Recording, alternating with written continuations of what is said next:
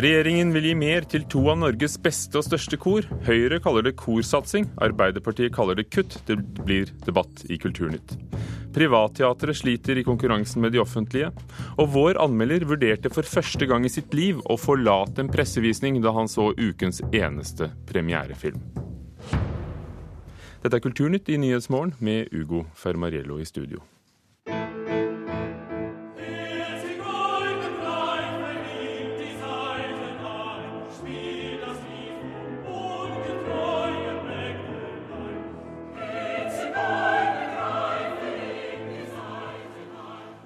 Regjeringen vil gi mer til to av Norges beste og største kor, Kor Vest og Det Norske Solistkor, som vi hører i bakgrunnen her. Pengene tar den fra de korene som allerede har et høyt nivå, uten å være profesjonelle. Dette går utover bredden, hevder opposisjonen, som vi hørte i Dagsrevyen i går. Og Hege Haukeland Liadal, som sitter i familie- og kulturkomiteen for Arbeiderpartiet på Stortinget. På hvilken måte kaller du dette et kutt? Det er et kutt fordi vi hadde et sterkt ønske om at semiprofesjonelle kor eh, skulle få en mulig og en særskilt tilskuddsordning for å søke på opptil to millioner kroner. Det var en ny ordning eh, fordi vi ser at Kulturrådet innenfor sine poster ikke har klart historisk sett å tilgodese de semiprofesjonelle korene og deres virksomhet. Så for oss å sikre både bredden innenfor korfeltet og ikke minst rekruttering til de profesjonelle profesjonelle korene som er et viktig aspekt her, så var dette en viktig tilskuddsordning for oss å få på plass. Og den er blitt borte, mener du? Den er blitt borte. Eh, og jeg skal være såpass ydmyk og si at eh, vi har jo heller ikke tidligere hatt denne særskilte tilskuddsordningen på plass.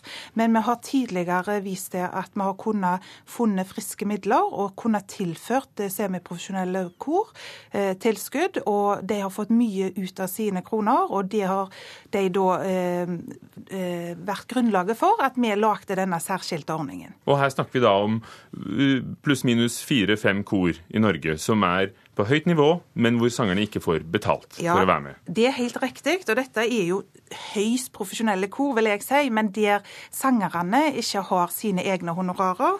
Og For å nevne navn, så er dette f.eks. Eh, Greg Vokalis, Ila Jali i, i Bodø, Ensemble 96 og andre. Svein Harberg sitter i kulturkomiteen på Stortinget for Høyre. Hvordan kan det Arbeiderpartiet kaller kutt, blir en satsing for deg? Ja, det er veldig greit, fordi at vi har en satsing på kor.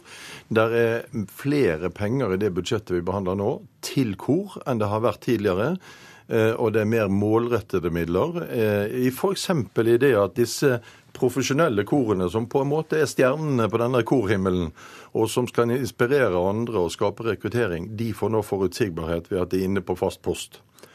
Så og da snakker vi om Kor Vest og Det Norske Solistkor. Det er riktig. Det er de to som nå får fast post, og som er de som har betalte ansatte som synger, og som er med å holde oppe det nivået der. Så er det helt riktig som, som det blir sagt her, at disse som vi kaller semiprofesjonelle, altså som er musikalsk er veldig profesjonelle, men som ikke lever av det, de eh, har den avgåtte regjeringen nå prøvd å lage en ordning for på vei ut av regjeringskontorene. Vi har sagt at de skal være sammen med de andre korene, og de skal ivaretas på en god måte. Så det er ikke penger som er vekke, men de er en større pott sammen med de andre korene som eh, Kulturrådet disponerer. Og så må jeg få lov å si at det er òg en del av satsingen at vi satser på unge og på krafttak for sang. Det var en enstemmig kulturkomité med Arbeiderpartiet som sa forrige år at dette må vi få inn. Stoltenberg la det ikke inn. Vi har lagt inn 1,5 million til de. Og Hege Haukeland Leodal, før du, før du, sier det du hadde tenkt å si. Det er jo sånn at Den satsingen på de semiprofesjonelle det var noe dere skulle få nå. De har jo klart seg hittil. Tror du ikke de vil klare seg videre også, som en rekrutteringsarena for de proffe? Jeg er ikke i det minste tvil om at de kommer til å klare seg godt. De har òg eh, andre inntektskilder som de eh, får eh, sine midler ifra. Men det som hadde vært nå en rettferdig fordeling, det var at de nettopp hadde fått en egen særskilt tilskuddspost.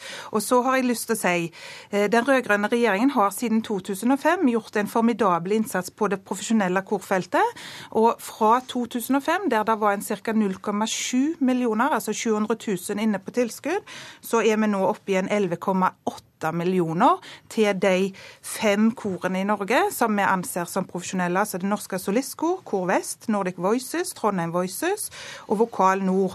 Og i den potten så er det det fantastiske stjernelaget fra Det Norske Solistkoret, som altså i 2013 har fått 4,6 millioner av våre kroner. Og det er flott. Så dere er egentlig begge enige om at de flinkeste alle skal satses på, men dere vil ha mer til disse semiprofesjonelle? Absolutt. Men det som er viktig å tenke på her, det er det at eh, Arbeiderpartiet og den regjeringen de har vært i, har bare telt dette i kroner og øre. Vi har nå sagt at i all vår politikk så skal vi være mye mer nøye med at det er målrettet. Derfor har vi òg i dette budsjettet sagt at nå skal vi utarbeide en strategi nettopp for de korene som vi snakker om her. Hvordan skal de ses opp imot de profesjonelle korene, og hvordan skal vi sikre overgangen i dette og midler til de korene. Så Men er det deres oppgave? Er ikke det nettopp å, å legge hånden hardt på rattet? Nei, det er vår oppgave. Hvis vi ser at noen ikke er godt nok ivaretatt, så må vi ha en helhetlig strategi for hvordan de skal nå fram i dette bildet. Og Det er ikke detaljstyring. Vi har tillit til det som skjer i, det, i denne korverdenen. Men vi har lov å legge føringer. Det er jo det vi gjør i budsjettet òg. Når vi legger inn penger, så er det en føring. Og så sier vi at nå skal vi lage en strategi for hvordan disse som vi kaller semiprofesjonelle, skal få sin plass i det systemet. Jeg kommer til å fotfølge Svein Harberg og Frp og Høyre i forhold til de kronene som eventuelt de semiprofesjonelle får eller ikke får. Eh, vi kan ikke instruere Kulturrådet, det må vi være helt tydelige på. De har sin oppgave og sin ramme. Og så vil vi da se hva eventuelt regjeringen Solberg ønsker å satse på de semiprofesjonelle. Vi ville det, de har ikke villet det. Men det som er et poeng, det er at eh, Arbeiderpartiet ville opprette en ny ordning. Det betyr mer byråkrati. Nå er det 120 ansatte i Kulturrådet for å fordele penger. Vi vil at færre skal ha lønn for å fordele penger, og flere skal få pengene. Uh, og, og, og, hvis dere da gir strengere føringer om hvordan de skal fordeles, så må vel det bety mer byråkrati òg? Det, det, er en pott mindre, nei da. For dette går på kriteriene for hvordan disse pengene skal deles ut. Det er en pott mindre som skal søkes på. Det er en pott mindre med byråkrati, Men og det er bra. Vil de semiprofesjonelle få det noe verre enn de har hatt det? Selv om ordningen ikke blir noe? Jeg tror at med den rammen som Kulturrådet får nå, så vil hovedvekten av den ramma gå til de profesjonelle korene. Det er min spådom. Og så håper jeg, og jeg hører, at det kanskje er noen takter til en instruksjon i forhold til de semiprofesjonelle korene, og den gjenstår å se hva virkning vil få. Men de får det verken bedre eller verre enn de har hatt før? Jo, altså Trond Giske bl.a. kom med friske midler eh, over Kulturrådet som var øremerka tilskudd til de, de semiprofesjonelle. De ligger, ja, de ligger der de lå før. Vi skal lage en helhetlig strategi for de. Det er bra for de. Svein Harberg fra Høyre, Hege Haukelund Liadal fra Arbeiderpartiet, begge i kulturkomiteen på Stortinget. Takk.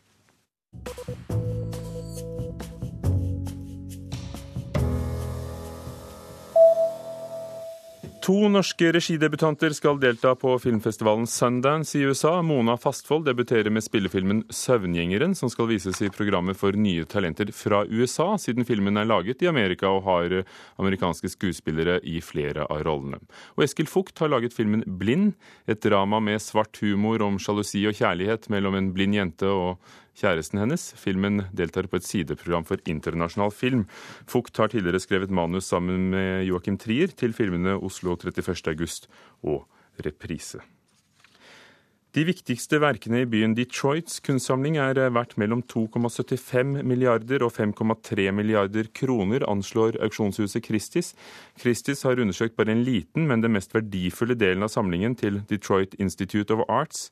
Flere eksperter er overrasket. De trodde at bildene, blant dem malerier av Picasso og van Gogh, skulle vært være verdt mer. Og Tidligere år ble eiendomsskatten i byen økt nettopp for å bevare museet, men denne uken har en domstol fastslått at byen kan slås konkurs, og nå er det flere hoder som eh, slår seg sammen for å finne en måte å redde kunstsamlingen på. Av de 11 000 stumfilmene som ble innspilt i USA mellom 1912 og 1929, er mer enn to av tre tapt for alltid, viser en ny rapport. Blant filmene som er borte, er en versjon av Den store Gatsby fra 1926. Store deler av USAs filmhistorie er tapt, og dette er alarmerende for nasjonens kulturelle avtrykk, sier Kongressbibliotekets sjef, som har oppgaven med å bevare USAs filmarv.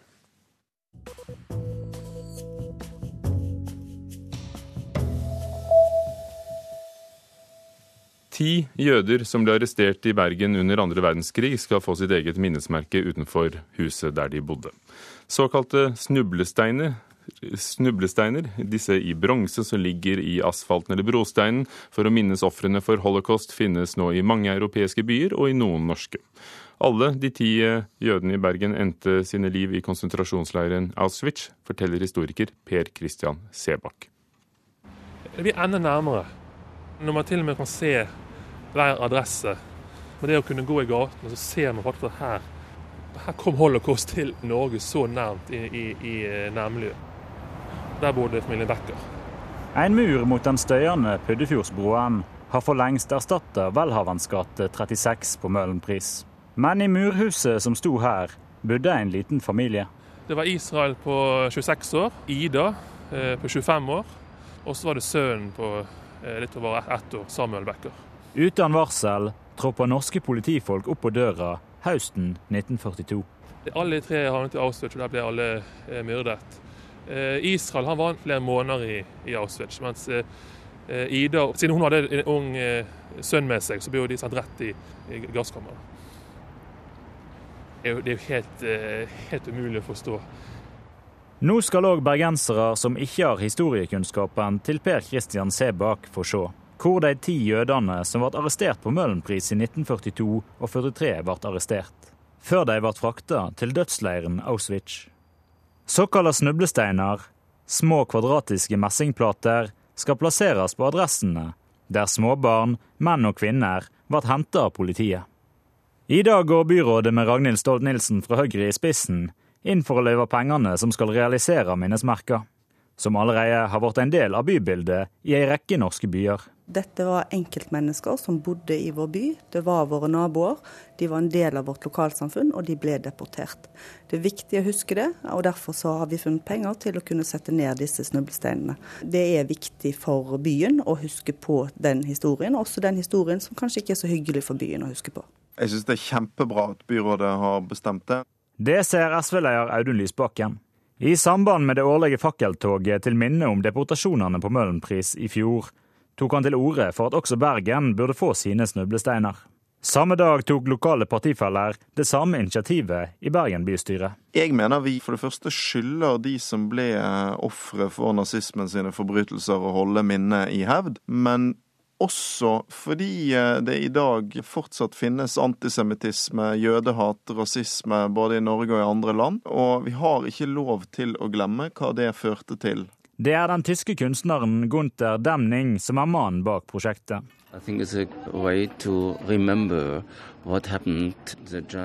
Det er viktig å huske hva tyskerne gjorde da de arresterte og deporterte seks millioner jøder, sa Demning da han la ned steinene i Trondheim i fjor.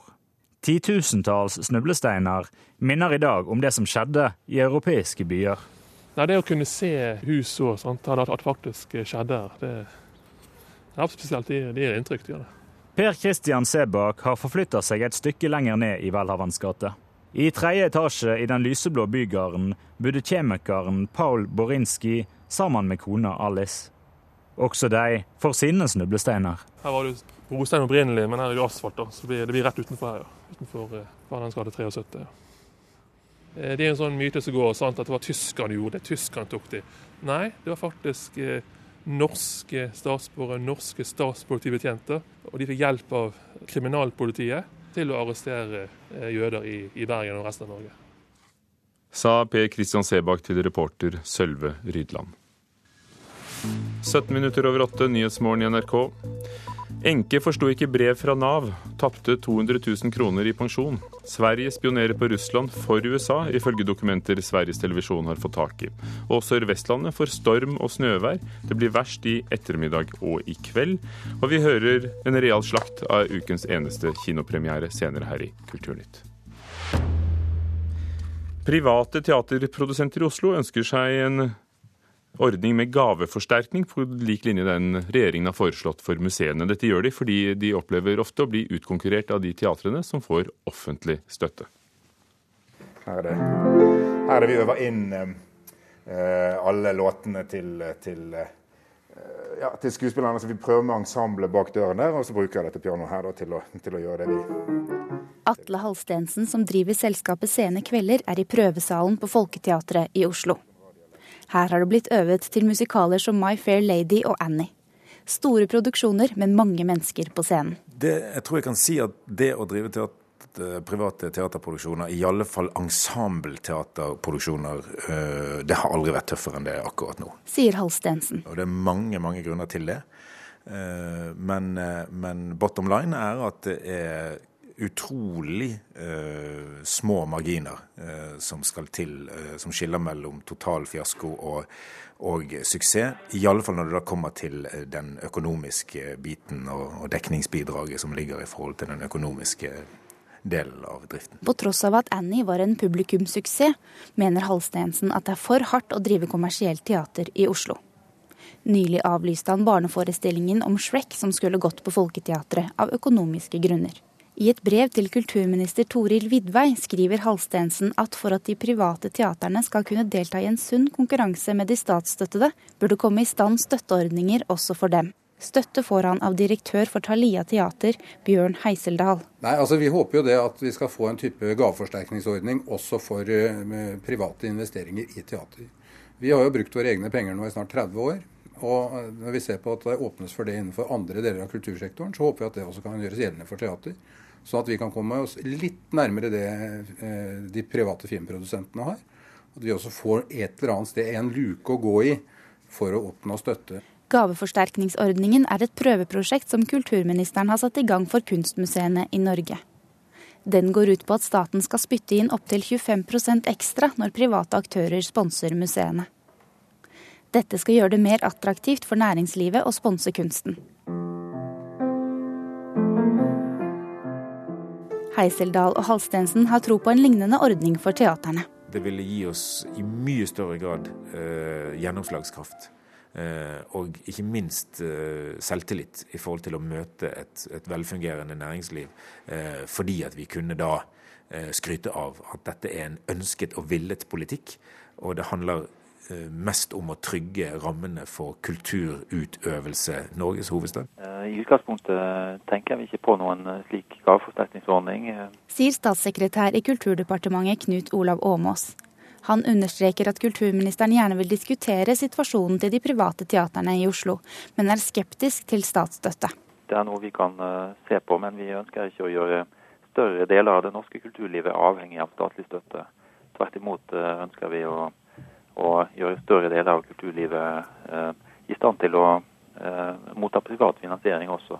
Statssekretær Knut Olav Åmås til reporter Ina Charlotte Fjellhøy.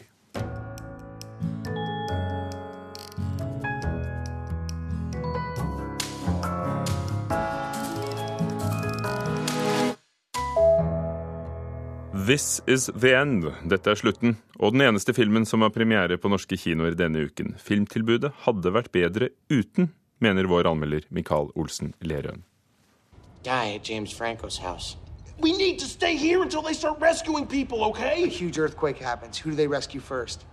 Actors. Famous people. Dette er første gang jeg har vurdert å gå under en pressevisning av en film som jeg skal anmelde. Det skjedde på filmen This Is The End. Jeg skal selvsagt forklare hvorfor, men først, hva er dette for en film? Like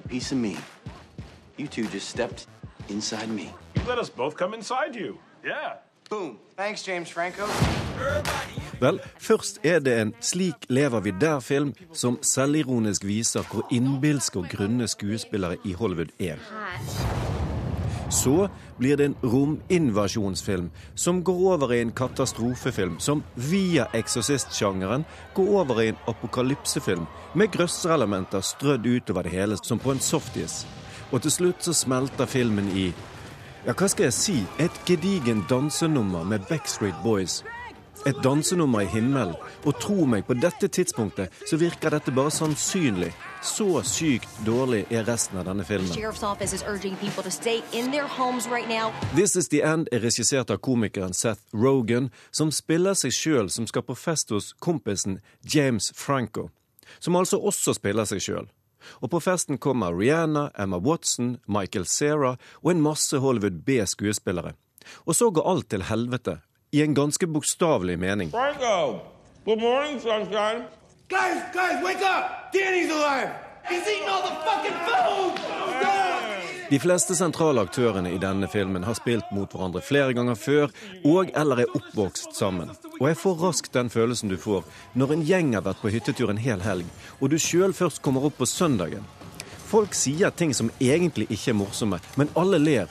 Som om det holder for vitsen at det er referanser til ting som er sagt tidligere, uten at det er noe særlig morsomt i vitsen sjøl. Som f.eks. her. Og før du hører dette, så vit at James Franco spilte hovedrollen i filmen 127 timer. 15 pills of ecstasy, a porno mag, a baseball bat, and the video camera from the movie 27 Hours. 127 hours. Uh, 127 hours? Og så er det jo alltid morsomt når skuespillere sier sæd eller pikk eller rumpe. Er det ikke? You got white shit all over your mouth, Frankie. You probably sucked somebody's dick. Jonah over here probably watched and jerked off. Danny, we're not on acid. We didn't suck each other's dicks. James Franco didn't suck any dick last night. Now I know you all are tripping. Det er ikke det at filmen er helt uten komiske innslag, men mesteparten av filmen fortjener merkelappen stjernespekket kjedelig. For meg så blir dette et rystende eksempel på hva som skjer når skuespillere er omgitt av ja-folk. For de som har produsert filmen, er skuespillerne og regissørene. I tillegg til mannen som laget kortfilmen denne historien er utvidet fra. Og at filmen er en oppblåst kortfilm, finner jeg fort ut. Og ganske fort så kommer lysten til å gå. Oh, does it? I en rettferdig verden så ville denne filmen aldri kommet på norske kinoer. Den ville gått rett på Netflix. Og jeg skjønner at denne filmen skal være morsom. Problemet er jo at den ikke er det. Emma! Oh my god, you guys are alive!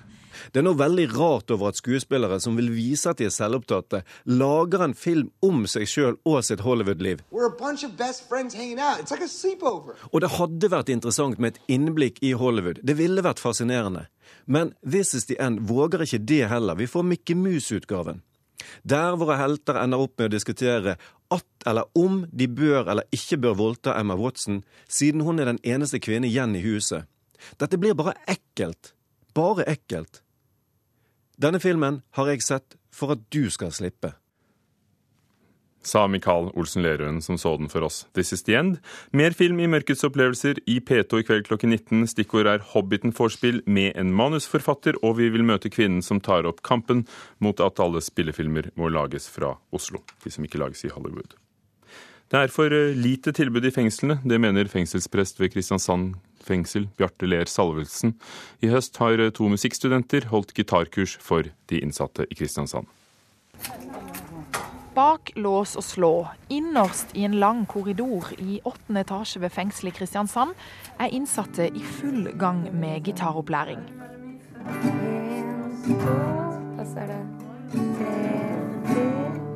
Hanne Mari Horverak og Birgitte Uleberg ved Ansgar musikkhøgskole i Kristiansand har tatt initiativet til kurset, etter at de holdt en konsert i fengselet tidligere i år. Etterpå så gikk jo gitaren litt rundt, og merka at det var veldig mange som var gira på spillet. da. De syntes det var gøy, og Birgitte lærte noe til én, og han hadde lært bort til to stykker før vi gikk. og ja, Så det var nice. Det er slitsomme bitte greier. Det, det er så bra øvings. Preben har gått to ganger på gitarkurset, og allerede har han lært å spille en sang. Har du lært hvordan du skal dra? For du gjør det helt riktig. Gjør det? Ja, du gjør det. Hvordan føles det å kunne en sang? Nei, det er veldig gøy. Ja. Det er det. Så blir det sånn der når jeg ikke har noe på cella, så pleier jeg å dra den fram og så sitte og prøve litt. Fortell hvorfor du hadde lyst til å være med på dette her gitarkurset. Det er jo greit, så jeg har noe å gjøre. Så slipper jeg å sitte oppe, oppe på cella eller ja, gjøre det samme hver dag.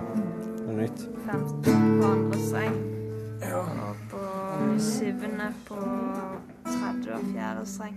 Veldig, veldig bra. God tid å øve på. Sier Jon, som skryter av gitarkurset han er med på. Er det mye tilbud for deg? Nei. Liksom. Det her er jo et lukka fengsel, da, så det er litt annerledes her. Men syns du det burde vært mer kultur i fengsel? Altså, det er jo et avbrekk fra hverdagen, liksom. Så det hadde jo vært gøy. Er det flere en. Fengselsprest ved Kristiansand fengsel, Bjarte Ler Salvesen, tror det frivillige kurset er viktig for de innsatte. Jeg tror det betyr mye å bli, å, å, å bli sett av noen utenfra. Som kommer inn og skaper en normalitet i fengselet, så det ikke blir prat om bare med betjenter og, innsatte og, og, vi andre som jobber der, men man kommer og gjør, gjør noe sammen som flytter fokuset bort fra soning. Han sier det er generelt lite kulturtiltak i norske fengsler. Eh, sånn er det i lukka fengsler. Så betjenter og andre som jobber her, gjør en, gjør en fin jobb med, med, det de skal.